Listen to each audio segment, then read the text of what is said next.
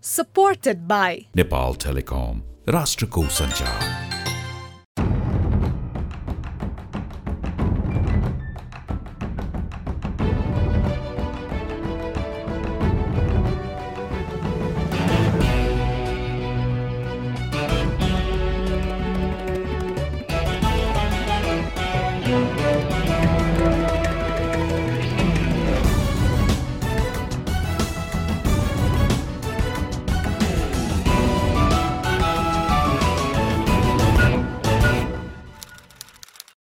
आदरणीय दर्शक तथा श्रोतावृन्द नमस्कार। कार्यक्रम टफ टकमा म दिलभूषण पाठक तपाईँ लगायत मेरा सबै सबै दर्शक तथा श्रोतालाई स्वागत गर्दछु।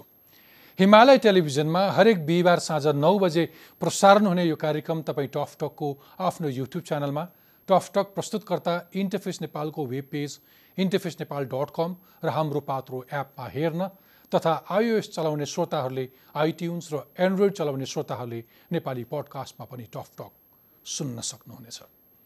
आज म अलिक फरक विषय र पात्रसँग उपस्थित भएको छु। सूचना प्रविधिमा भएको विकासले गर्दा संसार नै अहिले हाम्रो हत्केला वरपर घुमिरहेको छ। अर्थात् अहिले सफ्ट थोक औँलामा छ। मोबाइलको आजको युगमा मान्छेका नयाँ सम्बन्ध मात्र स्थापित भएका छैनन् कि दैनिक जीवनका ससानादेखि ठुल्ठुला काममा समेत स्मार्टफोनले अति सहज बनाइदिएको छ। स्मार्टफोनमा हुने फिचर र त्यसलाई अझ अनुकूल बनाउन डेभलप गरिएका अनगिन्ती एपले त झन् जीवनमा यसको प्रभाव नै अपत्यारिलो बन्दै गएको छ। अनि यस्तै मध्ये नेपालीहरूले निकै मन पराएको र तपाईँ हामी धेरैको मोबाइलमा हुने गरेको एउटा एप हो हाम्रो पात्रो। नेपालीका लागि नेपालीले नै बनाएको यो एप पचास लाखभन्दा बढी पटक डाउनलोड भइसकेको छ। नेपाली माझ सबैभन्दा लोकप्रिय रहेको यो एप आएपछि अब धेरै घरहरूमा पात्रो टाङ्गिन छोडेका छन्। समाचार पढ्ने हेर्ने सुन्नेदेखि दैनिक अत्यावश्यक जानकारीका धेरै सूचना र जानकारी हाम्रो पात्रोभित्र पाइन्छन्। यो बहुउपयोगी र चर्चित एपका निर्माता हुनुहुन्छ नेपाली युवा शङ्कर उप्रेती अमेरिकाको बोस्टन युनिभर्सिटीबाट कम्प्युटर इन्जिनियर अध्ययनका क्रममा उहाँले नेपालीहरूलाई सजिलो होस् भनेर सन् दुई हजार नौमा यो एप बनाउनु भएको हो। एपको लोकप्रियता बढ्दै गएपछि सन् दुई हजार पन्ध्रमा उहाँले वार्षिक झन्डै करोडभन्दा बढीको कमाइ हुने जागिर छोडेर पूर्ण रूपमा यही एपको विकासमा लाग्नु भएको छ। नेपालीहरूबिच निकै चर्चित यो एपको निर्माण कसरी भयो यस किसिमका काम तथा सूचना प्रविधिको क्षेत्रमा युवाहरूले गरिरहेको प्रगति कस्तो छ नेपाली युवाहरूले यो क्षेत्रमा नयाँ नयाँ काम गर्न सक्ने सम्भावनाहरू के के हुन सक्छन्? नेपालको शिक्षा स्वास्थ्य जस्ता प्रणालीहरूले यस्ता नयाँ इनोभेसन बढाउन के गर्न सकिन्छ? यस्तै प्रश्नहरूको जवाब खोज्न आज मसँग हुनुहुन्छ हाम्रो पात्रो एपका निर्माता तथा सिइओ शङ्कर उफ्रिती। आउनुहोस् स्वागत गरौँ आजका मेरा अतिथि चर्चित एपका निर्माता तथा सिइओ शङ्कर उफ्रितीलाई। शङ्करजी टकटकमा स्वागत छ। थ्याङ्क यू सो मच आराम हुनुहुन्छ? हजुर आरामै छ। कति व्यस्त हुनुहुन्छ? नेपाल आउनुभएको जानुभएको थाहै पत्तै पाइँदैन। तपाईँलाई फेला पार्नै गाह्रो भयो मलाई। अलिअलि व्यस्त छु।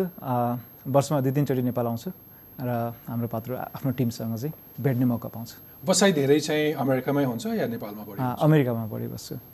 अमेरिकामा प्रायः जस्तो अमेरिकामा बस्छु नेपालमा चाहिँ वर्षको दुई तिनचोटि आउँछु र हरेकचोटि बसाइमा तिन हप्ता जस्तो नेपाल बस्छ। अनि अमेरिकाको अफिसलाई हेड अफिस भन्नुहुन्छ कि नेपालको अफिसलाई हेड अफिस भन्नुहुन्छ नेपालको अफिसलाई हेड अफिस भनौँ किनभने सबै काम यही नेपालबाटै हुन्छ।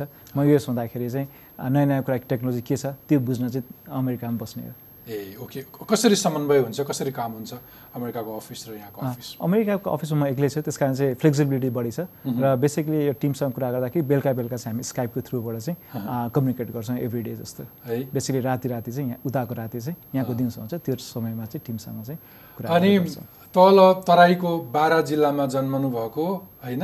अनि अहिले चाहिँ संसारभरका नेपालीहरूको औँलामा हाम्रो पात्र बोकेर हिँडिरहनु भएको छ। हजुर। खुसी लाग्छ। त्यहाँबाट बाह्र जिल्लामा जन्मेर पनि अहिले आएर चाहिँ भनौँ सम्पूर्ण नेपालीहरूले प्रयोग गर्ने एउटा एपको संस्थापक हुँदाखेरि चाहिँ गौरव नै फिल हुन्छ। सोच कसरी आयो? हाम्रो पात्रोको नामाकरण कसरी भयो? त्यसको सुरुवात कसरी भयो? त त्यो प्रारम्भिक दिनहरू सम्झन सक्छौँ हामी। हजुर। टु थाउजन्ड एटमा म युएस पढ्न गएको थिएँ। त्यो बेला जाँदाखेरि चाहिँ त्यो बेला चाहिँ सोसियल मिडिया त्यति पपुलर थिएन। र यहाँबाट लग्ने भनेको चाहिँ अरू सबै कुरासहित पात्र पनि हुन्थ्यो। अनि टु थाउजन्ड नाइनमा चाहिँ त्यो पात्रको एक वर्षको अवधि पनि सक्यो। त्यसपछि नेपालमा के भइरहेछ कुन सान् ठुल्ठुलो चाडहरू त थाहा भइहाल्थ्यो। शान्तिनो जस्तै जनै पूर्णिमाहरू त्यस्ता शान्तिनो चाडहरू चाहिँ थाहा पाउनु गाह्रो थियो। अनि त्यो थाहा पाउनको लागि चाहिँ आफ्नै लागि चाहिँ एउटा चाहिँ एप बनाउँ न त त्यो बेला चाहिँ एप बल्ल बल्ल सुरु भएको थियो। युएसमा पनि एक वर्ष जस्तो मात्रै भएको थियो एप बनाउने प्रचलन आएको। नेपालमा त धेरैलाई थाहा पनि थिएन होला त्यो बेला। र यो एपमै अब हाम्रो नेपालको आफ्नै पात्र राख्न पाए हुन्थ्यो भन्ने सोच आयो र त्यो बनाए पनि। अनि त्यस साथीहरूलाई देखाएँ अनि यो पा यो पात्र कस्तो छ भन्दाखेरि उहाँहरूले चाहिँ यो त एकदमै राम्रो छ हामी सबैलाई काम लाग्छ यो सबै हाम्रो पात्र हो भनेर चाहिँ भन्नुभयो। त्यहीबाट साथीहरूले नि यसको नामाकरण गरेर चाहिँ हाम्रो पात्र राखियो। ओके। त्यो एउटा पात्र भन्ने बित्तिकै अलिकति एउटा पुस्तकको आकारै हुँदैन थियो। भित्तामा राख्ने क्यालेन्डरसम्म एउटा हुन्थ्यो। नभए पात्र त पाना पनि यसरी पल्टाउनु पर्थ्यो होइन? त्यो टिपिकल पात्र हुन्थ्यो। त्यहाँभित्रको भाषा अथवा त्यहाँभित्रको सूत्रहरू बुझ्नलाई त्यति सजिलो होइन। जो कहिले पात्र हेर्न जान्दैन थियो नि पात्र हेर्ने विधि थियो। पछि त्यो परम्परागत एउटा पात्रोको रूपलाई तपाईँले एउटा आधुनिक एपमा लानको लागि चाहिँ कति धेरै गाह्रो थियो कति सजिलो थियो? गाह्रो चाहिँ गाह्रो थियो। जस्तै अब प्रायः जस्तो सबै ठाउँमा चाहिँ इङ्ग्लिस क्यालेन्डरहरू हुन्छ त्यसको फर्मुलाजहरू पनि सजिलै पाइन्छ। तर नेपालीमा चाहिँ एकदमै गाह्रो भएको थियो। त्यसको लागि चाहिँ यहाँको अरू ज्योतिषीहरूसँग पनि मैले चाहिँ सम्पर्क गरेँ उहाँहरूको चाहिँ आइडियाजहरू लिएँ। त्यो सबैसँगसँग चाहिँ मिलेर नै त्यो सम्भव भयो। नत्र गाह्रो चाहिँ गाह्रो नै हो। त्योभन्दा अगाडि पनि अरू अरू पात्र जस्तै वेबसाइटमा पात्रहरू थियो तर मोबाइलको एपमा चाहिँ जुन आफूसँग सधैँ होस् त्यस्तो किसिमको थिएन। र त्यसै गरी पहिला भएका कामहरू के के भएका थिए नेपाली क्यालेन्डरमा र त्यो सबै कुरा अध्ययन गरेर चाहिँ बनाउन सजिलो भयो। धेरै दिन त मैले यो सूर्य र चन्द्र कसरी मुभ हुन्छ त्यस्तो कुराहरू पनि अध्ययन गर्नु परेको थियो। चन्द्रग्रहण कसरी लाग्छ त्यो सबै कुराहरू अध्ययन गर्नु परेको थियो। तर त्यो सबै कुरा अध्ययन गरेर चाहिँ बनाउनु चाहिँ सजिलो नै भयो। ओके। त्योभन्दा अगाडि चाहिँ तपाईँ अमेरिका जानुभन्दा अगाडि चाहिँ यहीँको पुलचोक इन्जिनियरिङ कलेजमा पढ्नुहुन्थ्यो। हजुर। त्यो ज्ञान के थियो? Electronic engineering computer computer computer engineering त्यसैको सिलसिलामा तपाईँ उच्च शिक्षाका लागि बोस्टन जानुभयो त्यहाँको युनिभर्सिटीमा पढ्न। अनि त्यो पढ्दै गर्दा तपाईँले पात्रो बनाउनु भयो। यो तपाईँको सोकको प्रडक्ट थियो या यसको यो कमर्सियली अथवा कुनै दिन यो बिजनेसमा एकदमै धेरै भाइबल छ भन्ने पक्षहरू पनि थिए? यो त एकदम सोख नै थियो। अब टु थाउजन्ड सेभेनमा जब आइफोन रिलिज भयो त्यसको एक वर्षपछि मैले आइफोन पाएँ र एकदमै राम्रो लाग्थ्यो। यसले चाहिँ संसारलाई चेन्ज गर्नु जस्तो लाग्थ्यो मलाई। त्यसै गरी अब त्यहाँ युएसमा गएपछि आफूलाई पात्र चाहिने। यो एप यो फोनमा नेपाली एप कुनै पनि थिएन त्यो बेला। आफ्नै एउटा नेपालीको एउटा एप बनाउनु पाए हुन्थ्यो कति रमाइलो हुन्थ्यो। त्यसरी आफ्नै क्यालेन्डर राख्नु पाए झन् रमाइलो हुन्थ्यो भन्ने चाहिँ त्यो त्यो सोखले गर्दाखेरि चाहिँ पढेर नै बनाएको। त्यस कारण चाहिँ कमर्सियली यति सक्सेसफुल होला यति मान्छेले चलाउला भन्ने नै थाहा थिएन। र इन्ट्रेस्टिङ कुरा के छ भन्दाखेरि एप रिलिज गरिसकेपछि त्यो बेला एप रिलिज गर्नलाई चाहिँ नाइन्टी नाइन डलर तिर्नु पर्थ्यो एप्पल स्टोरमा त्यो नाइन्टी नाइन डलर एउटा स्टुडेन्टको लागि चाहिँ धेरै पैसा थियो। मैले चाहिँ नगर्ने भनेर चाहिँ सोचिरहेको थिएँ किन बेकार एप्पललाई पैसा दिनु पऱ्यो मेरोमा छँदैछ म डिस्ट्रिब्युट नगर्दै पनि हुन्थ्यो भन्ने चाहिँ सोचिरहेको तर त्यही गरी साथीहरूलाई देखाएँ। उहाँहरूले यो त सबैलाई चाहिने कुरा हो नि त। यस्तो नेपाली एप त हाम्रो छँदै छैन। भने चाहिँ उहाँले मलाई इन्करेज गर्नुभयो। त्यस कारण र ठिकै छ नाइन्टी नाइन डलर तिरेर भए पनि त राखिदिउँ न त। भनेर चाहिँ राखियो। र one of the best decision चाहिँ त्यो भयो। किन भनेदेखि भोलि पर्सिदेखि धेरैवटा फिडब्याकहरू आउन थाल्यो। ए एकदम राम्रो छ नेपालीको एउटा एप छ एप स्टोरमा भन्ने चाहिँ। त्यो बेला चाहिँ धेरै सपोर्ट पाएँ। अनि दुई तिन वर्षसम्म चाहिँ यो चाहिँ एज अ हबीकै रूपमा चाहिँ कन्टिन्यू हुँदै गयो। उनान्सय डलर। हजुर। त्यो भनेको करिब करिब आठ दस हजार रुपियाँ। त्यतिखेरको भ्यालु त कति? सात आठ हजार। हजुर आठ हजार। नेपाली आठ हजार। त्यो त्यतिखेर एउटा विद्यार्थीलाई हम्मे परेको आठ हजार ले सुरु गरेको हाम्रो पात्रोको आजको दिन तपाईँले टोटल भ्यालु कतिमा गर्नुहुन्छ? कति मिलियन डलरमा गर्नुहुन्छ? त्यो मिलियन डलर भन्दा पनि अब हाम्रो युजर बेसहरू यति धेरै छ जति माया पाएको छु होइन? त्यसको त अब गन्ती नै छैन भनौँ न। कति हरेक दिन दस लाख नेपालीले चाहिँ हाम्रो पात्र चलाउनुहुन्छ। हरेक दिन दस लाख नेपालीले हाम्रो पात्र खोल्छन् हेर्छन्। हेर्छन् हजुर हरेक दिन। पचास लाखभन्दा बढी डाउनलोड डाउनलोड छ। हजुर। अनि प्रत्येक महिना पनि पैँतालिस लाख नेपालीहरूले चलाउनुहुन्छ। अब त्यसको भ्यालु कति नै गर्ने एउटा एकदमै खुसी लाग्छ गर्व लाग्छ त्यो कुरा कुन पोइन्टमा पुगेपछि तपाईँले त्यो त्यो रहरमा सुरु गरेको हाम्रो पात्रोको विकासमा म लाग्छु र अब म जागिर छोड्छु। यो यो वार्षिक अथवा यो मासिक तलब पाउने करिब करिब वर्षमा तपाईँले एक करोड जतिको जागिर खाइरहनु भएको छोडिदिएर हाम्रो पात्रको विकासमा लाग्नुभयो। कुन पोइन्टमा त्यो रियलाइज गर्नु? टु थाउजन्ड टेनमा फर्स्ट रिलिज गरिसकेपछि टु थाउजन्ड थर्टिनसम्म यो हबी नै भयो। बेला बेला यसमा बिस्तारै अरू फिचर राखियो जस्तै फरेक्स राख्यौँ हामीले किन भन्दाखेरि नेपालमा पैसा पठाउनु फरेक्स भनेको विदेशी मुद्राको विनिमय दर कति छ कति भनेर। छ, हजुर। जस्तै एक डलरको कति कति हुन्छ अथवा। एक रियालको कति हुन्छ भनेर त्यहाँ हेर्न मिल्छ हजुर जस्तै अब हामी नेपालीहरू बाहिर गइसकेपछि नेपालमा पैसा पठाउनु पर्ने नै छ त्यस कारण चाहिँ कुन दिन पैसा पठाउँदा बेटर हुन्छ भन्नको लागि चाहिँ हामी सधैँ हेर्ने चाहिँ त्यो थपिदिनु त्यो। थप्यौँ अनि त्यो गर्दाखेरि चाहिँ धेरैले त्यो झन् मन पराउनु भयो नि ल ठिकै छ यसैबाट हेर्न पाइयो भनेर त्यसै गरी टु थाउजन्ड थर्टिनसम्म यति नै बित्यो हामीले जस्ट राम्रो फिडब्याकहरू पाइरहेको थियौँ। तर जब टु थाउजन्ड थर्टिन फोर्टिनतिर नेपालमा चाहिँ फोनहरू आउन थाले एन्ड्रोइड फोनहरू आउन थाले र हाम्रो एन्ड्रोइड भर्जन पनि टु थाउजन्ड टुवेल्भ निकालेपछि त्यो चाहिँ म्यासिभ ग्रोथ भयो। भनौँ न हाम्रो एन्ड्रोइड निकालेको छ सात महिनामै दस सरी एक लाख मान्छेहरूले चाहिँ डाउनलोड गर्नुभयो। र त्यो बेला चाहिँ हाम्रो दैनिक चाहिँ बिस हजार तिस हजार नेपालीले चलाउनुहुन्थ्यो। र टु थाउजन्ड फिफ्टिनमा आइसकेपछि चाहिँ अलिकति त्यसले रेभेन्यू पनि जेनेरेट गर्न थाल्यो। र यसो हेर्दाखेरि म चाहिँ त्यो बेला चाहिँ दिउँसो चाहिँ अफिसमा काम गर्नु पऱ्यो अनि अफिसबाट आएर अनि विकेन्डमा गर्दाखेरि त यति राम्रो भइरहेछ। भनेदेखि मैले यसमा कम्प्लिटली फुल टाइम फोकस गर्न पाएँ झन् राम्रो हुन्थ्यो भने चाहिँ टु थाउजन्ड फिफ्टिनमा चाहिँ मैले सिमेन्टेक कर्पोरेसन्स जुन चाहिँ one of the Fortune five hundred कम्पनीमा छ एकदमै राम्रो सिलिकन भ्यालीको कम्पनीको जब छोडेर चाहिँ कम्प्लिटली हाम्रो पात्रमा फोकस हुने निर्णय गरेँ। ठुलो निर्णय थियो त्यो बेला सिमेन्टेकले एक लाख तिस हजार डलरको स्यालेरी दिइरहेको थियो। त्यो त्यो छोड्न चाहिँ गाह्रो चाहिँ गाह्रो भएको थियो। तर यसो सोचेँ अब यसमै फुल टाइम अझ लाग्यो भने अझ मोर कन्ट्रिब्युट गर्न सकिन्छ र नेपाली हाम्रो कम्युनिटीलाई भनेर चाहिँ त्यो जब छोडेर चाहिँ हाम्रो अझ म खटारै सोध्छु अहिले तपाईँले एउटा जागिर छोड्नुभयो तर कति धेरैलाई जागिर दिनुभयो म क्रमैसँग आउँछु। तपाईँले अघि पात्रोबाट सुरु भएको हाम्रो पात्रोमा तपाईँले थप दिनुभयो कि विदेशमा बस्ने मान्छेले त्यहाँको मुद्रा नेपाली मुद्रा कति हो भनेर हेर्नको लागि फरेक्सको एउटा सेगमेन्ट थप्नुभयो। त्यस पछाडि मलाई अर्को आकर्षक लाग्ने चाहिँ धेरै नेपालीहरू अहिलेको पुस्ता नभनौँ अगाडिको केही पुस्ताहरूको नेपालीहरूको नेपाली जन्म मिति अनि कलेजमा आइसकेपछि अथवा पासपोर्ट बनाउँदाखेरि उसले हाल्ने अङ्ग्रेजी मिति धेरैको मिल्दैन गलत छ। त्यो कन्भर्ट गर्ने चिज पनि राख्नुभयो तपाईँ। हजुर। मिति कन्भर्ट गर्ने। होइन? त्यसरी सुरुवातको दिन। आजको दिनमा आइपुग्दाखेरि हाम्रो पात्रोका फिचरहरू के के हुन् भनिदिनुहोस् त। किनभने मैले त्यो तपाईँका धेरै उप एप युजर्सहरू भेटेको छु जसले पात्रो मात्रै हेरिरहेको छ त्यहाँभित्रको धेरै कन्टेन्ट हेरिरहेको छैन। हजुर। के के छ ल भनिदिनुहोस् ओके सुरुमा हामीले त्यही त बनाउँदाखेरि चाहिँ केमा फोकस गऱ्यो भन्दाखेरि नेपालभन्दा बाहिर रहेको नेपालीलाई के के कुरा चाहिन्छ? त्यो सबभन्दा पहिला हामीलाई चाहिने भनेको क्यालेन्डरै चाहियो। त्यसपछि डेट कन्भर्टर पनि हजुरले सम्झाउनु भयो। त्यो एकदमै युजफुल कुरा हो। जस्तै सधैँ हाम्रो नेपाली अर्कै हुन्छ उता कन्भर्ट गर्नुपर्छ। त्यो भयो। त्यसै गरी विदेशी विनिमय दर राख्यौँ। र त्यसपछि सबभन्दा राम्रो फिडब्याक पाएको चाहिँ हामीले समाचार राखेका छौँ। जस्तै नेपालको टप न्युज पोर्टलहरूको समाचार चाहिँ एकै ठाउँमा। त्यसै गरी हामीले रेडियोहरू नेपालको तिन सयभन्दा पनि बढी रेडियोहरू चाहिँ एकै ठाउँमा ल्याएर राखेका छौँ। र कोही अ, मान्छे विदेश जानु भएको छ भने पनि उहाँको आफ्नो घरको आफ्नो गाउँको रेडियो पनि हाम्रो पात्रबाट सुन्न सकिन्छ। कम्युनिटी चार सयभन्दा बढी रेडियोहरू छन् देशमा सञ्चालन भएका। तीमध्ये करिब तिन सय रेडियो तपाईँको हजुर प्रायः जस्तो सबै रेडियो सबै छन्। प्रायः जस्तो सबै रेडियोजहरू। अनि काठमाडौँको तरकारीको भाउदेखि लिएर राशिफलदेखि लिएर सबै कुरा हाम्रो पात्रोमा छ। सबै छ। त्यसमा भनौँ न दसभन्दा बढी फिचर्सहरू चाहिँ छ। तर मेन टप फाइभ फिचर्स भन्नुपर्दाखेरि हाम्रो पात्रो भयो अनि विनिमय विदेशी विनिमय दर भयो त्यसै गरी रेडियो भयो अनि समाचार भयो अनि अर्को कुण्डली पनि निकालेका छौँ। आफैले चाहिँ घर बसी बसी आफ्नो कुण्डली निकाल्न पाइन्छ। सो धेरै फिचर्स छ सुन चाँदीको भाउ छ। तपाईँको पात्रो पनि नभनौँ तपाईँको हाम्रो पात्रोको मलाई मन परेको एउटा फिचर आज पनि धेरै अगाडि तपाईँले मैले टफ टकमा ल्याउनलाई प्रयत्न गरेको करिब करिब छ वर्ष चान्चुन भयो छ वर्ष अगाडि तपाईँको फिचरमा मलाई एउटा मन परेको पक्ष के थियो भने मानौ अब जनै पूर्णिमा कहिले छ कुन तारिकका दिन अथवा के बारका दिन पर्छ अथवा यो महिनाको कति गते पर्छ भन्ने मात्र होइन कि। त्यो जनै पूर्णिमाको महिमा के हो त्यो दिन के खाने? क्वाटी खाने अथवा के खाने? र त्यो क्वाटी कसरी पकाउने विधिसम्म तपाईँले राखिदिनु भएको छ। हजुर।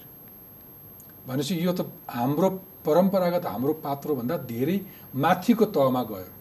साहित्यहरू जोड्यो त्यसको रेफरेन्सेसहरू लिएर आयो। यति धेरै इन्फर्मेसन्सहरू जुटाउन चाहिँ निकै गाह्रो पऱ्यो नि शङ्कर उप्रेतीजीलाई होइन? हजुर गाह्रो भयो त्यस कारण हामी चाहिँ जस्तै पहिला हामीले हजुरले भने जस्तै सबै इभेन्ट्सहरू के के पर्छन् चाडपर्वहरू राखिरहेको थियौँ तर त्यसको विशेषता के हो त भन्ने कुरा चाहिँ मलाई पनि थाहा थिएन। अनि चाहिँ सबैलाई चाहिँ यो हरेक दिन लेखाएको छ त यसको विशेषता के हो त भनेर थाहा दिनको लागि चाहिँ हामीले टु थाउजन्ड फोर्टिनदेखि चाहिँ यो सुरु गरेको हजुर सिक्स इयर्स र त्यसको लागि चाहिँ म एक्लैले चाहिँ सम्भव हुँदैन त्यति धेरै छ। त्यस कारण चाहिँ यहाँ हाम्रो टिम छ नेपालमा। सबै टिम मिलेर गर्नुभयो। चाहिँ सुरु चाहिँ मैले गरेको तर सम्पूर्ण श्रेय चाहिँ मेरो टिमलाई दिन चाहन्छु। किन उहाँले चाहिँ सबै रिसर्च गरेर पत्ता लगाउनु भयो। कहिलेकाहीँ चाहिँ मै पनि पढेर हजुरले भने जस्तै म आफै पढ्छु त्यो। ए यस्तो हुने रहेछ अनि म आफै थाहा पाउँछु। त्यसमा अहिले चाहिँ यो मेरो आफ्नो एकलौटी प्रयास भन्दा पनि मेरो सम्पूर्ण टिमको चाहिँ त्यहाँ प्रयास लागेको छ। अब बेला भयो तपाईँले भन्ने। अघि तपाईँले त्यो करोडभन्दा बढीको झन् झन्डै डेढ करोड जतिको जागिर छोड्नु भएको छ आज कतिजनालाई जागिर दिनुभएको छ अथवा तपाईँको संस्थामा कतिजना स्टाफ छन्? अहिले हामीसँग पच्चिसजना छन्। पच्चिसजना। अमेरिकामा कति? अमेरिकामा एक्लै छु म। नेपालमा चाहिँ हामी चौबिसजना छौँ। सो अमेरिकामा चाहिँ तपाईँले ब्रडर पर्सपेक्टिभ हेर्नुहुन्छ। हजुर। ग्लोबल ट्रेन्ड हेर्नुहुन्छ। हजुर। हजुर। अमेरिकामा बसेर चाहिँ के फाइदा हुन्छ? म सिलिकन भ्यालीमा बस्छु सेन फ्रान्सिस्कोमा। त्यहाँ नयाँ नयाँ के के टेक्नोलोजीहरू आउँदैछ। त्यो सबै सबै कुरा सिकेर चाहिँ अब नेपाल नेपालीको लागि चाहिँ भनौँ त्यहाँको टेक्नोलोजी युज गर्न पाए झन् राम्रो हुन्थ्यो भनेर चाहिँ त्यहाँको टेक्नोलोजिज अब्जर्भ गर्ने काम चाहिँ त्यहाँबाट गर्छु। र त्यही कुरा लेटेस्ट कुराहरू चाहिँ हाम्रो यहाँ टिमलाई चाहिँ म चाहिँ ट्रान्सफर गर्छु। बेसिकली टेक्नोलोजी ट्रान्सफर चाहिँ इम्पोर्टेन्ट हो जस्तो लाग्छ मलाई। किन भन्दाखेरि हाम्रो नेपालीले नेपालीको लागि बनाउने प्रडक्टहरू पनि इन्टरनेसनल स्ट्यान्डर्ड होस् भन्ने चाहिँ मेरो आफ्नो व्यक्तिगत सोच हो। ओके अब यो हामी मिडियामा काम गर्ने अथवा सञ्चारका विद्यार्थीहरूले आजको युग चाहिँ कन्भर्जेन्सको युग भयो। सबै कुराहरू कन्भर्स भएर तपाईँको मोबाइल टेक्नोलोजीमा आए भनेर भनिन्छ। तर तपाईँले कन्भर्स गर्न कति सजिलो छ भन्न खोजेको तपाईँको पात्रोमा अथवा तपाईँको हाम्रो पात्रोमा प्रिन्ट अथवा छापा माध्यमका अखबारका समाचारहरू पनि त्यहाँ छन्। हजुर। अनलाइन पनि त्यहाँ लिङ्क छ रेडियो पनि छ र टेलिभिजन प्रोग्राम्सहरू टफ टक समेत पनि त्यहाँ छ। त्यो चिजहरूलाई एकै ठाउँमा एकत्रित गर्नको लागि अरू सरकारवाला संस्थाहरूको चासो कस्तो हुन्छ अथवा उनीहरूको तपाईँसँगको एसोसिएसन अथवा यो कोलाबोरेसनले उनीहरू र तपाईँ कसरी विन विनमा हुनुहुन्छ यसलाई एकत्रित गर्ने कुरा कति गाह्रो भयो? यद्यपि हामी संसार चाहिँ एकै ठाउँमा ल्याउने कन्भर्जनको युगमा छौँ भन्छौँ होइन? हजुर हजुर। सुरुमा त गाह्रो भयो। सुरुमा म एक्लै थिएँ त्यस कारण चाहिँ एकदम लिमिटेड सुरुमा हामीले चाहिँ जस्तै अनलाइन पोर्टल्सहरू जब तिन चारवटा मात्रै थियो। त्यसै हामीले नेपालमा जुन अफिस इस्टाब्लिस गऱ्यौँ टु थाउजन्ड फिफ्टिनमा त्यसपछि चाहिँ धेरै सजिलो भयो। त स्टिल अब हामीले बेसिकली हाम्रो हाम्रो पात्रमा आउने भनेको हामीले ओरिजिनल कन्टेन्टहरू चाहिँ गर्दैनौँ। तर के गर्छौँ भन्दाखेरि सम्पूर्ण नेपाललाई एकै ठाउँमा समेटेर कम्युनिटीलाई कनेक्ट गरेर चाहिँ सबै हामीले चाहिँ ट्राफिक चाहिँ डिस्ट्रिब्युट गर्छ हाम्रो पार्टनर्सहरूलाई त्यस कारण चाहिँ विन विन सिचुएसन चाहिँ हाम्रो पात्रमा युजरहरू आउनुहुन्छ त्यहाँबाट चाहिँ हाम्रो पार्टनर्सहरूलाई चाहिँ ट्राफिक दिन्छ अथवा भ्युज दिन्छ भ्यू राखिसकेपछि उहाँहरूको भ्युज बढ्छ। त्यसरी चाहिँ हामीले चाहिँ विन विन सिचुएसन चाहिँ त्यसरी क्रिएट गरेका छौँ। र डेफिनेटली इज भेरी डिफिकल्ट धेरैवटा पार्टनर हुनुहुन्छ हामीसँग अहिले पार्टनरकै कुरा गर्दाखेरि रेडियोको तिन सयभन्दा बढी पार्टनर्सहरू हुनुहुन्छ। त्यसै गरी अनलाइनको तिसवटाभन्दा पार्टनर्सहरू हुनुहुन्छ। त्यसरी भिडियोजको पनि हाम्रो चाहिँ दसभन्दा बढी पार्टनर्सहरू हुनुहुन्छ। सो एकदम ठुलो टिम इफोर्ट चाहिन्छ। त्यस कारण कतिले भन्नुहुन्छ एउटा एप त हो नि पच्चिसजना किन चाहियो? भन्नुहुन्छ सन्डे तर that are so many things that's goes behind हामीले चाहिँ इभन टेक्नोलोजी डेभलपमा डेभलपमेन्टमा बढी टाइम स्पेन्ड गर्छौँ। त्यसै गरी पार्टनरसिपमा पनि टाइम स्पेन्ड गर्छौँ। र यो अलिक गाह्रो नै छ एप रन गर्न यति स्केलमा अनि अर्को चाहिँ युजरहरू मैले भने हजुरलाई दस लाखभन्दा बढी युजर छन्। तिनीहरूको त्यत्रो रिक्वेस्टहरू ह्यान्डल गर्न हाम्रो ब्याक एन्ड सर्भरहरू पनि म्यानेज गर्नु पऱ्यो सो त्यस कारण सबै कुरा अर्गनाइज गर्न चाहिँ राम्रै ठुलै काम हो। ओके अब अरू सरप्राइजेसहरू के दिँदै हुन्छ अथवा यसो मैले सोचिरहँदाखेरि सबै कुराहरू मोबाइलको युगमा हातमा हत्केलामा औँलामा मोबाइल मार्फत सबै कुराहरू त्यहाँ आयो। अथवा हाम्रो पात्रो पत्रिका हो त्यो पत्रिका पढ्न पाइन्छ। हाम्रो पात्रो रेडियो हो त्यहाँ रेडियोको रूपमा सुन्न पाइन्छ टकटक आफै सुन्न पाइन्छ। हाम्रो पात्रो टिभी हो त्यहाँ टिभीका रूपमा कन्टेन्ट हेर्न पाइन्छ। भने जस्तै अरू के के हो हाम्रो पात्रो? बिम्बहरू तपाईँले प्रयोग गर्ने। हजुरले भने चाहिँ आई थिङ्क सबै कभर गर्नु तर नयाँ कुराहरू पनि हामीले लिएर आउँदैछौँ जस्तै एउटा हामीले गरेको गरिरहेको चाहिँ कम्युनिटीलाई चाहिँ कसै एकै ठाउँमा लिएर आउने जस्तै म विदेशमा छु म एउटा नयाँ सहरमा गएँ त्यो सहरमा जाँदा चाहिँ अरू नेपालीहरू को को हुनुहुन्छ त्यो सहरमा त्यस्तै किसिमको चाहिँ हामी चाहिँ कम्युनिटी म्यानेजमेन्ट अथवा कम्युनिटी कम्युनिकेसन फिचर्सहरू लिएर आउँदैछौँ। ओके यसलाई अलिकति यसलाई व्याख्या गरौँ। मलाई यो यो अहिलेको मोबाइलको युगको सबभन्दा राम्रो पक्ष लाग्छ। अहिले हामी के भन्छौँ भने आजको युगमा चाहिँ पहिलेको सम्बन्धहरू चाहिँ मेरो घरको मेरो वंशजको केही सम्बन्ध थियो काका बाउ। माओलीहरूको सम्बन्ध थियो कुटुम्बहरूको सम्बन्ध थियो टोल छिमेकी अथवा कलेजमा गएपछि कलेजको स्कुलको साथीहरूको सम्बन्ध थियो। आज चाहिँ डिजिटल सम्बन्धहरू पनि छन् होइन। इन्स्टाग्रामको फ्रेन्ड्स अथवा फलोवर्स हुनसक्छ ट्विटरको आफ्नो कम्युनिटी छ धेरै साथीहरू काठमाडौँमा ट्विटर चलाउनेहरूको आफ्नो आफ्नो कम्युनिटीहरू छ। पब्लिक स्पेयरहरू जस्तै सानो सानो न्युक्लियर फर्ममा अथवा कम्युनिटीको ठुलो कम्युनिटीको फर्ममा पनि डिजिटल रिलेसन्सहरू छ। फेसबुक फ्रेन्ड्स भन्छौँ हामी त्यस्तै अनि यसले यति सजिलो बनायो कि म न्युयोर्क आउँदैछु भनेर भन्यो भने त्यहाँ साथीहरू जोडिन्छन्। होइन। भाइबरको ग्रुप बन्छ। त्यो एउटा एउटा कम्युनिटी बन्यो। फेसबुकको एउटा फ्रेन्ड्सहरूको एउटा सर्कल बन्छ कम्युनिटी बन्छ तपाईँले म्यासेजहरू आदान प्रदान गरिदिनुहुन्छ। तपाईँले यस्तै कम्युनिटीको परिकल्पना गर्दै हुनुहुन्छ हाम्रो पात्रोबाट? हजुर। जस्तै फर इक्जाम्पल इक्जाम्पलको लागि म सेन फ्रान्सिस्को दुई महिना अगाडि मुभ भएँ। त्यहाँ जाँदाखेरि चाहिँ नेपाली को को हुनुहुन्छ? थाहा पाउन गाह्रो भयो। जे सबै कुरा गर्दाखेरि चाहिँ आफूलाई के समस्या पर्छ त्यो अनुसारको सल्युसन निकाल्न खोज्दाखेरि चाहिँ एउटा हाम्रो नेपालीहरूको एउटा सानो कम्युनिटी जुन चाहिँ त्यो कम्युनिटीमा जाँदाखेरि चाहिँ हाम्रो नेपालीहरू को कोले चाहिँ व्यवसाय गरेर बस्नुभएको छ त्यो पर्टिकुलर सहरमा। त्यस्तो सबै कुराहरू चाहिँ एकै ठाउँमा लिएर आउन पायो भने चाहिँ अझ यो हाम्रो कम्युनिटीलाई चाहिँ अझ राम्रो गर्न सकिन्छ कि भन्ने त्यो अनि तर यसको लागि तपाईँसँग त्यो डाटाहरू छ? हामीसँग युजरहरू हुनुहुन्छ तर हामीले चाहिँ अब बनाउँदैछौँ युजरलाई तपाईँले अब। अब अब कन्सोलिडेट गर्नुहुन्छ हजुर हजुर। गजब। मैले यसो भन्न मिल्छ कि म अहिले मार्क जुकरबर्गसँग कुरा गर्दैछु भोलि कुनै समय नेपाली कुनै मार्क जुकरबर्गसँग? त्यस्तो त अहिले भन्न मिल्दैन तर जस नेपालीको लागि चाहिँ हामीले चाहिँ एउटा राम्रो एउटा प्लेटफर्म क्रिएट गर्दैछौँ र त्यसको लागि चाहिँ मैले लिड गर्न पाउनु मेरो लागि भाग्यको कुरा हो। सो लाग्दैछु जस्तै नेपाली कम्युनिटीलाई कसरी एकै ठाउँमा लिएर आउने त्यो विषयमा चाहिँ बिस्तारै काम गर्दैछौँ।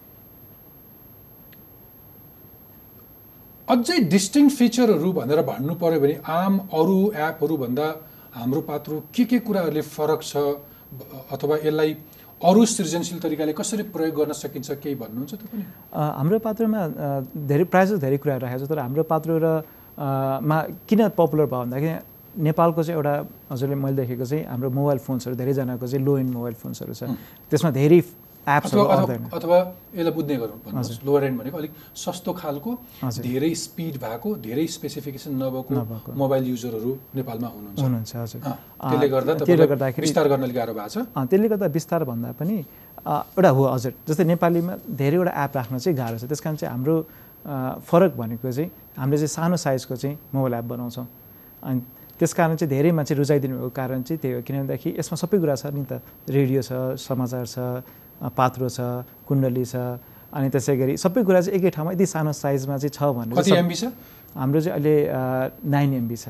नौ एमबी मात्र फाइल साइज भएको भनेको साह्रै कम लो एन्डको अथवा कम मूल्यको अथवा धेरै हाई स्पिड नभएको मोबाइलमा अथवा स्पेस नभएको मोबाइलमा पनि मान्छेले राखेर प्रयोग गर्न सक्छन्। यो चाहिँ यसको विशेष विशेषता हो। हजुर।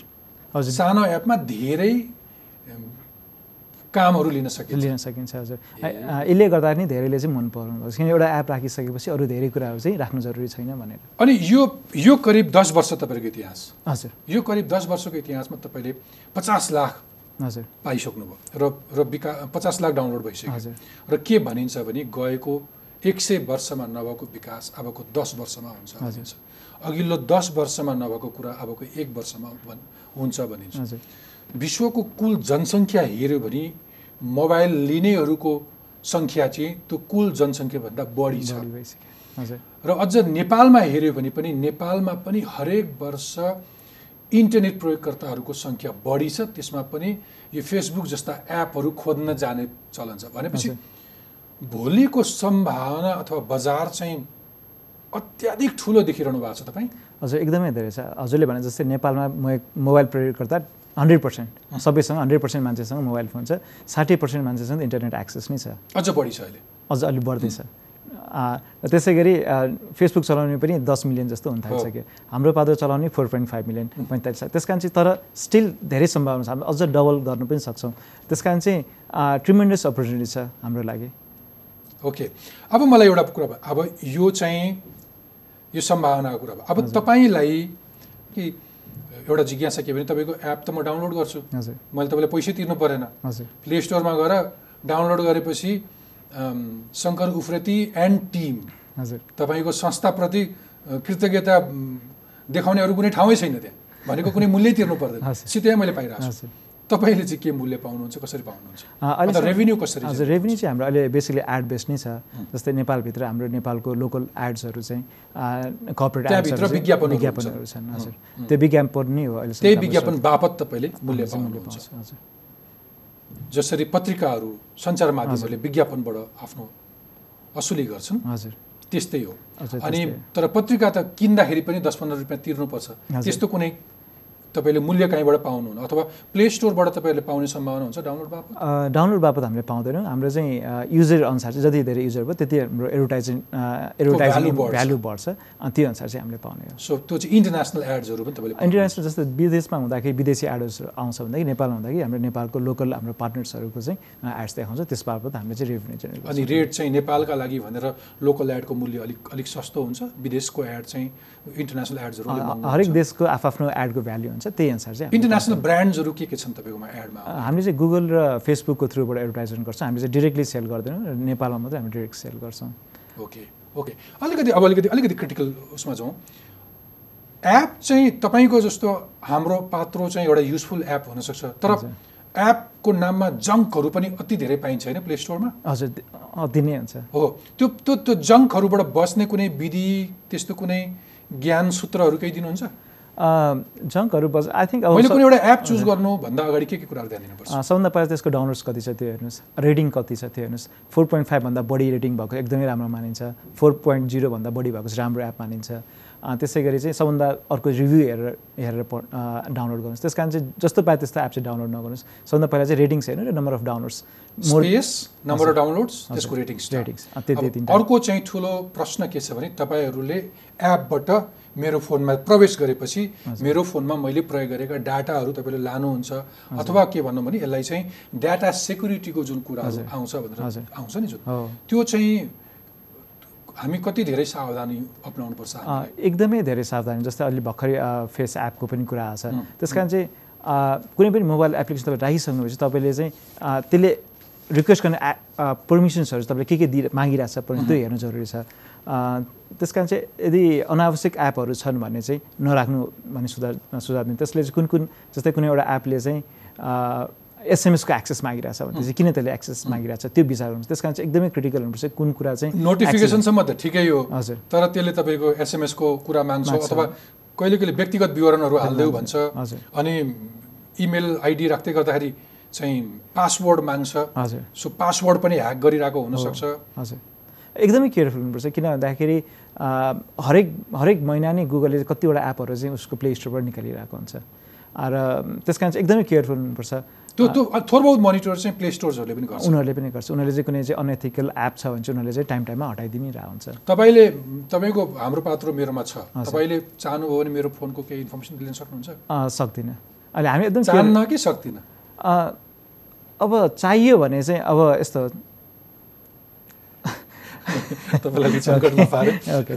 चाहनु प्रोफेसनलहरूले हो। प्रोभिजन चाहँदैन किनभने हामी यति धेरै युजरहरू छ यति धेरै ट्रस्ट बदमासी गर्नै पर्यो नि तपाईँले।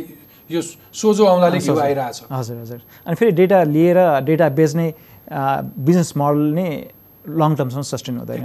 अनि हामीले चाहिँ मैले यस्तो सोझो आउँदाले घिउ अन्यथा हजुर। अर्को अर्थ लगाउन खोजे होइन कि तपाईँ यत्तिकै राम्रो भइरहेछ हजुर। अनि त्यस कारण चाहिँ हामीले चाहिँ सकेसम्म एकदम राम्रो सर्भिस दिउँ युजरको डेटालाई डेटामा धेरै भ्याल्यु पनि छ। तर हामीले चाहिँ एज अ इथिकल अर्गनाइजेसन भएर चाहिँ युजरको डेटा सेक्युरिटीले चाहिँ हाम्रो एकदमै क्रिटिकल मानेर नै काम गर्छौँ। ओके। अब अलिकति सूचना प्रविधिको ब्रडर बजारको कुरा गरौँ न शङ्करजी तपाईँसँग यति धेरै ज्ञान छ तपाईँ यही क्षेत्रको विज्ञ। अहिले ग्लोबल ट्रेन्ड चाहिँ कस्तो छ? अबको next five years ten years business अथवा इकोनोमी कता जान्छ? हामीले कुन हदसम्म देख्न पाउँछौँ। कल्पना गरेका कुरा फ्याट्ट झर्ने नै समय आइपुग्छ कि? होइन त्यस्तै भइसक्यो नि अब त झर्न थालिसक्यो सोचेको हजुर। फ्रिज भनेर मैले अहिले यहाँ चाहेँ भने फ्रिज यहाँ ठ्याक्कै आइपुग्छ नि। हजुर आउँछ।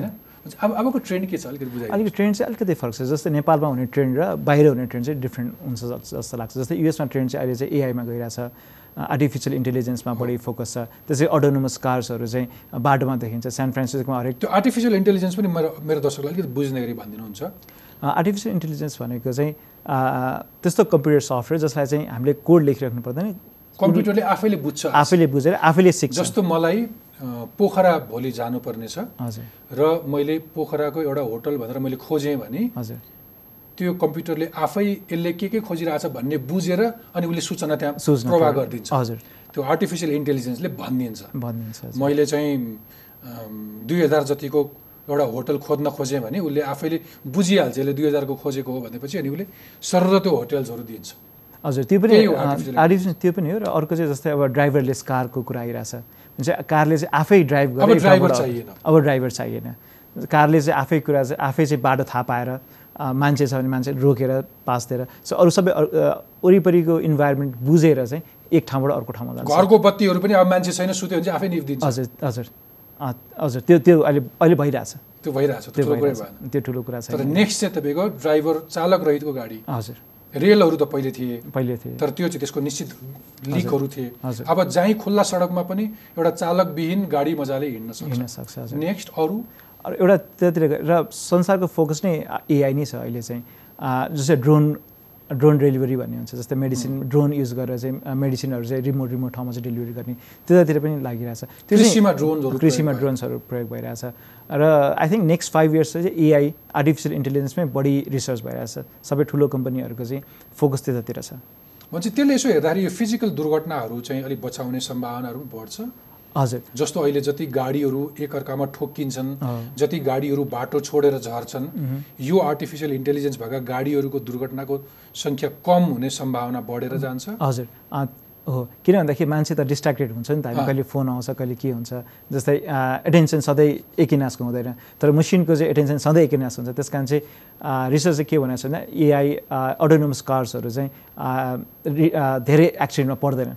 जति पनि एक्सिडेन्ट परेको छ त्यो चाहिँ अरूपट्टिको अरू मान्छेले गरेको गल्तीले चाहिँ एक्सिडेन्टमा परा देखाउँछ।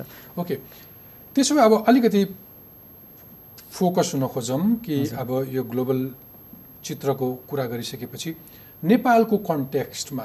यो बदलिदो परिवेशमा यो सूचना प्रविधिको क्षेत्रमा एउटा सफल शङ्कर उप्रति जस्तै अरू आम नेपाली युवाहरूको आकर्षण कति हुनसक्छ अथवा त्यहाँको सम्भावना त्यसको अवसरहरू कस्तो छ? युवाहरूले सुन्छन् त। भोलि। नेपालमा साँच्चै एकदमै धेरै ट्रिमेन्डस अपर्च्युनिटी छ भनौँ न यो यो मार्केट चाहिँ ग्रोइङ फेजमा नै छ। फर इक्जाम्पल अघि नै हामीले कुरा गऱ्यौँ internet penetration more than sixty percent छ नेपालमा। र बिस्तारै अब हामीले चाहिँ अहिले आइटीलाई भनौँ न सूचना प्रविधिलाई चाहिँ इन्टरटेनमेन्टमा मात्रै युज गरिरहेछौँ इकोनोमिक ग्रोथमा युज गर्न सकेका छैनौँ। र बिस्तारै हुँदैछ। र नेक्स्ट फाइभ इयर्स नेपालमा पनि डिजिटल पेमेन्ट फाइनेन्सियल सर्भिसेसहरू र त्यो कुरामा चाहिँ धेरै नै विकास हुँदैछ। त्यस कारण चाहिँ युवाहरूले चाहिँ अब यो टेक्नोलोजी कसरी युज गरेर चाहिँ कसरी चाहिँ हाम्रो इकोनोमिक आउटपुट बढाउने त्यतातिर फोकस गर्न सकिन्छ। र धेरै सम्भावनाहरू चाहिँ अबको नेक्स्ट फाइभ इयर्समा चाहिँ देखिन्छ। त्यस कारण अथवा अबको आउने दशकहरू अरू स्पेसलाइज इन्फर्मेसन एन्ड टेक्नोलोजिजको युग हो। र यो क्षेत्रमा आउन सक्ने युवाहरूलाई ट्रिमेन्डस अवसरहरू छ भन्न खोज्दै हुनुहुन्छ तपाईँ हजुर एक्ज्याक्टली ओके अब त्यसको लागि नेपालमा वस्तुगत अवस्था अथवा परिस्थिति कस्तो छ हाम्रो स्कुल कलेजहरूको शिक्षा प्रणाली कस्तो छ अथवा हाम्रो कानुनी संरचना कस्तो छ कानुनले कति अनुकूल छ तपाईँले खोजेको सोचेको कामहरू गर्नलाई फर्स्ट अफ अल तपाईँले शिक्षामा जाउँ। शिक्षामा जाउँ शिक्षामा चाहिँ राम्रो छ सबभन्दा आउटपुटहरू हाम्रो इन्जिनियरिङ कलेजेसहरू पनि थुप्रै नै छ। त्यसै गरी तर स्कुलको तहमा त कम्प्युटर शिक्षा अझै बढाउन सकेको छैन नि। अझ अझ सकेका छन्। त्यतातिर अझ ध्यान दिने हो कि। अनि कलेज लेभलमा त राम्रो भइरहेछ। र स्टुडेन्टलाई म के भन्न चाहन्छु भन्दाखेरि कलेजले पढाएको मात्रैले पुग्दैन। आइटीमा चाहिँ यदि एभ्री टाइम नयाँ नयाँ कुरा आइरहेको हुन्छ त्यस कारण चाहिँ सेल्फ मोटिभेटेड यो भएर चाहिँ प्यासनले गर्ने काम हो। प्यासनले गर्नुपर्छ। यो कसैले त्यो त्यो कुनै कोर्समा राखिदिएर होइन कि प्यासनेटली काम गर्ने। हजुर हजुर। त्यस कारण चाहिँ सेल्फ मोटिभेटेड भएर चाहिँ गऱ्यो भने चाहिँ अझ राम्रो गर्न सकिन्छ। कोर्समा राखेर त एक किसिमको एउटा लेभलमा पुगिन्छ होला। तर धेरै नै कन्ट्रिब्युट गर्न चाहिँ आफै प्यासनेट भएर चाहिँ सेल्फ स्टडिज इज इम्पोर्टेन्ट स्टुडेन्टहरूलाई चाहिँ त्यो एउटा एडभाइस दिन चाहन्छु। ओके पोलिसी लेभलमा स्टिल हामीले कति गर्ने कुराहरू चाहिँ स्टिल इभन युएसमा पनि नयाँ नयाँ कुराहरू आउँदाखेरि चाहिँ त्यसको रुल नै बनिसकेको हुँदैन फर इक्जाम्पल इक्जाम्पलको लागि चाहिँ अमेरिकामा सबभन्दा बढी राइट सेयरिङ उबर आउँदाखेरि पनि कुनै रुल नै बनेको थिएन। र गभर्मेन्टले चाहिँ पछि के गर्यो भन्दाखेरि नयाँ आउने टेक्नोलोजीलाई चाहिँ कसरी राख्न सकिन्छ आफ्नो समाजमा? त्यो किसिमको चाहिँ रुलहरू बनाइदिनु भयो। र नेपालमा पनि त्यही नै हुन्छ। कति कुरा त रुलले बनाए हुँदैन। ओके जस्तो यसलाई उदाहरण दिउँ न सजिलो हुन्छ। जस्तो अहिले अहिलेको युग चाहिँ एक किसिमको सेयरिङ इकोनोमीको समय छ भनेको। सेयर गर्न पाइन्छ। मसँग भएका चिजहरू सेयर गर्ने र त्यसबाट कुनै रेभिन्यू बनाउन सकिन्छ सकिन्छ। जस्तो। जस्तो टुटल र पठाओ। जस्तो यो पनि सूचना प्रविधिले दिएको, मसँग बाइक छ अथवा साधन छ। म यहाँबाट कहीँ गइरहेको छु एउटा कुनै मान्छेलाई त्यहाँसँग पुऱ्याएँ भने एउटा मूल्य लिन्छु। होइन? त्यो त्यो सेयरिङ हजुर। त्यसले केही युवाहरूलाई रोजगारी पनि। तर त्यसमा चाहिँ कानुनी अडचन चाहिँ रहेन रहेछ होइन? कानुनी। स्पष्टता थिएन। थिएन, मैले तपाईँलाई भन्न खोजेको त्यही हो कि कानुनी स्पष्टता चाहिँ हामीलाई अझै चाहिएको छ। चाहिएको छ हजुर। र अझै रिसेन्टली चाहिँ हामीले चाहिँ त्यो देख्यौँ प्रब्लम देख्यौँ त्यसको सल्युसन पनि आयो। र र आई थिङ्क गभर्मेन्टले सहयोग गर्ने चाहिँ त्यसैमा हो जस्तो लाग्छ मलाई। कुनै यदि नयाँ स्टार्टअपहरू छ अथवा आइटीमा लागिरहेको चाहिँ कुनै त्यस्तो किसिमको चाहिँ रुल डिफाइन भएको छैन भने चाहिँ गभर्मेन्टले चाहिँ त्यतातिर चाहिँ बढी हेल्प गर्न सक्छ अरू गभर्मेन्टले हेल्प गर्ने भनेको इन्फ्रास्ट्रक्चर बिल्डअप गर्नलाई ब्रोडब्यान्ड एक्सेसहरू सबै ठाउँमा पुऱ्याइदिने। अझै स्टिल नेपालमा कति सब धेरै जस्तो मानिसहरू चाहिँ गाउँमै बस्नुहुन्छ। गाउँमा ब्रोडब्यान्ड सरकारले त इन्टरनेट युजर्सलाई अस्ति दस बाह्र प्रतिशत कति एक्स एक्स्ट्रा ट्याक्स थपिदिएको छ के अरे? त्यो फेरि घटे जस्तो लाग्छ मलाई। महँगो इन्टरनेट प्रयोग गर्छौँ होइन? महँगो छ। तर त्यस कारण चाहिँ अलिक गभर्मेन्ट अझै त्यसमा चाहिँ ध्यान दिन सक्यो भने चाहिँ बाँकी चाहिँ प्राइभेट सेक्टरले नै गर्छ। गभर्मेन्टले चाहिँ इन्फ्रास्ट्रक्चर. प्रोभाइड गरिदियो भने चाहिँ ब्रोडब्यान्ड इन्टरनेट एक्सेस दियो भने चाहिँ प्राइभेट सेक्टरले नै त्यसलाई आइटी सेक्टर अगाडि बढाउन सक्छ। समग्रतामा चाहिँ च्यालेन्ज कस्तो देख्नु जस्तो म सम्झिन्छु ब्रिटिस डिएलए जस्तो लाग्छ मलाई। बेलायतको संसारभरि नेटवर्क भएको कानुनी परामर्श दिने संस्थाले वर्ल्डका अत्यन्त अत्यन्तै सम्भवतः बत्तिसजना ठुल्ठुला कम इन्टरनेसनल मेगा कम्पनीका सिइओहरूसँग इन्टरभ्यू र रिसर्च गरेको सर्वेको आधारमा एउटा कुनै रिपोर्ट निकालेको थियो कि नेक्स्ट डिकेट्स चाहिँ यस्तो साइबर अथवा information and technology related legal कम्प्लिकेसन्सहरू इस्युजहरू कस्ता कस्ता फेस गर्नुपर्छ होला भनेर उनीहरूले पहिले नै त्यसको रिसर्च गरेको मैले कुनै रिपोर्ट पढिरहेको थिएँ म यो डिजिटल र न्यू मिडियाको। अध्ययनको सिलसिलामा पछिल्लो पटक म कलेज फर्केर पढिरहेको बेलामा। अहिले पनि ग्लोबल चाहिँ अघि हामीले कुरा गऱ्यौँ कि डेटा सेक्युरिटीको कुरा आयो। क्याम्ब्रिज एनालिटिक्सको. फेसबुकको त्यत्रो धेरै स्क्याम आयो। फेसबुकलाई त्राई त्राई हुन्छ होइन? त्यो आफू हजुर। धानिनको लागि। सो त्यो सबै हेर्दाखेरि चाहिँ एउटा ठुलो कानुनी जटिलता अथवा कम्प्लिकेसन्सहरू पनि निम्त्याउँदैछ यो सूचना प्रविधिले आगामी दिनमा? त्यो त डेफिनेटली निम्ताउँदैछ अ, त्यसको लागि गभर्मेन्ट प्रिपेयर हुनुपर्छ किनभनेदेखि डेटा सेक्युरिटीको हामीसँग एकदम वेल डिफाइन्ड रुल्सहरू पनि छैन र इम्प्लिमेन्ट भएको पनि छैन। हामीसँग रुल भनेको साइबर ल एउटा रुल छ। त्यो सबै सबै केसमा त्यही नै लगाउन खोजिँदैछ। त्यो नभए अझ स्पेसिफिक रुल्सहरू लिगल लजहरू बनाउनुपर्छ जस्तो मलाई फिल हुन्छ। र मेन कुरा डेटा सेक्युरिटी चाहिँ हामी चाहिँ त्यति धेरै अवेर छैनौँ कि। एउटा कुनै एबिसिडी कम्पनीको मान्छे आएर मुलुक नेपालमा आएर म तपाईँको यातायात मन्त्रालय अथवा चाहिँ निर्वाचन आयोगको चाहिँ इन्फर्मेसनहरू सबै डिजिटलाइज गरिदिन्छु भन्यो भने थास दिइहाल्ने चलन छ। त्यसले आफ्नो यहाँको प्राइभेसी कति लिएर गयो त्यसले भोलि कति जटिलता ल्याउँछ भनेर त्यसमा राम्रोसँगले चेक एन्ड ब्यालेन्स गर्ने मोनिटर गर्ने अथवा सावधानी अप्नाउने कुराहरू कति अप्नाएका छौँ अब त्यो इन्टरनेटको कुरा त मलाई थाहा हुँदैन। तर बेसिकली हामी चाहिँ अवेर हुनुपर्छ किनभनेदेखि डेटा सेक्युरिटी घटना भइरहेको अँ, त्यो त्यो छ त्यस कारण देशकै सरकारकै राज्यकै कति इन्फर्मेसन्सहरू लिएर हिँडिदिएको कथा छ होइन? त्यस कारण चाहिँ यो जुन सेन्सिटिभ इन्फर्मेसन छ त्यो चाहिँ देशभित्रै राख्ने त्यसकै लागि डेटा सेन्टर हामीले चाहिँ नेपालमै राख्ने त्यस्तो किसिमको लहरू चाहिँ आउनुपर्छ जस्तो लाग्छ जसले गर्दा चाहिँ हाम्रो नेपालको आफ्नो इन्फर्मेसनहरू चाहिँ बाहिर लिक नहोस् किन भन्दाखेरि साइबर क्राइम चाहिँ एकदमै इन्क्रिज भइरहेछ। ओके डे बाई डे हामीले हरेक दिन नयाँ नयाँ कुरा सुन्दैछौँ त्यस कारण चाहिँ यसमा चाहिँ गभर्मेन्ट चाहिँ एकदमै बढी सक्रिय भएर प्रोएक्टिभ हुनुपर्छ जस्तो लाग्छ ओके यो यो प्रविधिलाई हामीले शिक्षामा स्वास्थ्यमा अथवा सरकारका अरू गभर्निङ बडीहरूमा लाने कुरामा हामी कति उन्मुख छौँ नेपाल कति अग्रसर देखिन्छ सूचना प्रविधिलाई प्रयोग गर्ने सिलसिलामा? कि अझै हामी टिपिकल अलिकति कन्जर्भेटिभ नै छौँ? त्यही त जस्तै अब नेपाल यति धेरै पेनिट्रेसन छ तर सबै कुरा चाहिँ म्याक्सिमम् हामीले चाहिँ युज गर्ने भनेको फेसबुक सोसियल मिडिया इन्टरटेनमेन्ट मात्रै बढी फोकस भएको छौँ। युट्युब धेरैले हेर्छौँ तर युट्युबमा हाम्रो एजुकेसन नेपाली कन्टेन्ट कति छन् त? त्यो हेऱ्यो भने एकदमै कम छ। त्यस कारण चाहिँ हामी चाहिँ युज त गरिरहेछौँ तर राइट किसिमले युज गरिरहेको छ कि छैन त्यो अलिकति फेरि आफूले सोच्नुपर्ने बेला भएको भनेको एउटा विद्यार्थीले युट्युबमा एउटा आठ क्लास पढ्दै गरेको विद्यार्थीले। आफ्नो गणित हल गर्ने सूत्र पनि छ युट्युबमा हजुर। तर ऊ उसलाई त्यो हिसाब सल्भ गर्ने सूत्र अथवा विज्ञानको कुनै थ्योरी त्यहाँ एक्सप्लेन गरिदिएछ। हजुर। तर उसलाई ज्ञान छैन त्यहाँसम्म पहुँच अथवा उसको चासो छैन ऊ फेसबुक चलाएर अथवा अरू इन्टरटेनमेन्टमा अल्मलिरहेको छ भन्दै हुनुहुन्छ तपाईँ। एक्ज्याक्टली त्यस कारण चाहिँ हामीसँग पेन्ट्रेसन त भयो तर त्यो राइट युज भएको छ कि छैन भनेर चाहिँ हामीले एज अ पोलिसी मेकरहरूले चाहिँ सोच्नुपर्ने हुन्छ। ताकि यो इन्फ्लुएन्स टेक्नोलोजी कसरी म्याक्सिमम युटिलाइज गर्ने? फर इक्जाम्पल हाम्रो एजुकेसनको लागि त्यो डिस्टेन्स लर्निङको कुरा छ। गाउँ गाउँमा ब्रोडब्यान्ड हामीले पुऱ्याउन सक्यो भने चाहिँ त्यो ठाउँमा सबै ठाउँमा राम्रो टिचर पुऱ्याउन सकिँदैन भने चाहिँ राम्रो ब्रोडब्यान्ड पठाएर चाहिँ रिमोट क्लासेसहरू पनि रन गर्न सकिन्छ। त्यसै गरी हामीले चाहिँ हेल्थ केयरमा पनि त्यस्तै छ। टेलिमेडिसिन हाम्रो प्लानमा त छ। आई थिङ्क डिजिटल नेपालको प्लानमा त छ। त्यो प्लानलाई चाहिँ कसरी राम्रोसँग रिइम्प्लिमेन्ट गर्ने अथवा इम्प्लिमेन्ट गर्ने त्यतातिर चाहिँ अझ फोकस गर्न पायो भने चाहिँ अझै राम्रो गर्न सकिन्छ जस्तो लाग्छ। शङ्करजी प्रश्न अति धेरै छन्। कुरा गर्न पनि मन लागेको थियो। मलाई पनि मन परेको विषय हो सूचना प्रविधि। त्यसमा पनि यो डिजिटल न्यू मिडिया हामी कहाँ मिडिया लिट्रेसीको त्यति नै ठुलो समस्या छ कि तपाईँले भने जस्तै यति धेरै सञ्चारको समाचारको फ्लोहरू भयो कि तर कुन समाचारलाई पत्याउने कुनको विश्वसनीयतामाथि प्रश्न उठाउने भन्ने कुरा हामीलाई अझै पनि ज्ञान चाहिएको छ। समय सिद्धियो जाँदा जाँदै तपाईँको केही सूत्र सरकारलाई सामान्य मोबाइल प्रयोगकर्तालाई मलाई केही त्यस्तो ज्ञानगुणको कुरा छ भने अरू एक मिनट दिन्छु अनि बिचमा सबभन्दा पहिला त धन्यवाद तपाईँलाई मलाई यहाँ बोलाएर आफ्नो कुरा भन्न अवसर दिनुभयो। र म के भन्न चाहन्छु भन्दाखेरि सम्पूर्ण नेपालीहरूलाई चाहिँ हाम्रो नेपाली प्रडक्टलाई चाहिँ माया गरिदिनुहोस्। विदेशी प्रडक्टहरू त छन् तर त्यसै गरी नेपाली प्रडक्टहरूले पनि कसरी काम गर्छन् त्यसलाई चाहिँ सपोर्ट गर्नुहोस्। त्यही नै भन्न चाहन्छु। शङ्करजी तपाईँको महत्त्वपूर्ण समय र विचारका लागि धेरै धेरै धन्यवाद। तपाईँको उत्तर उत्तर प्रगतिको कामना गर्छु। थ्याङ्क यू सो मच धन्यवाद।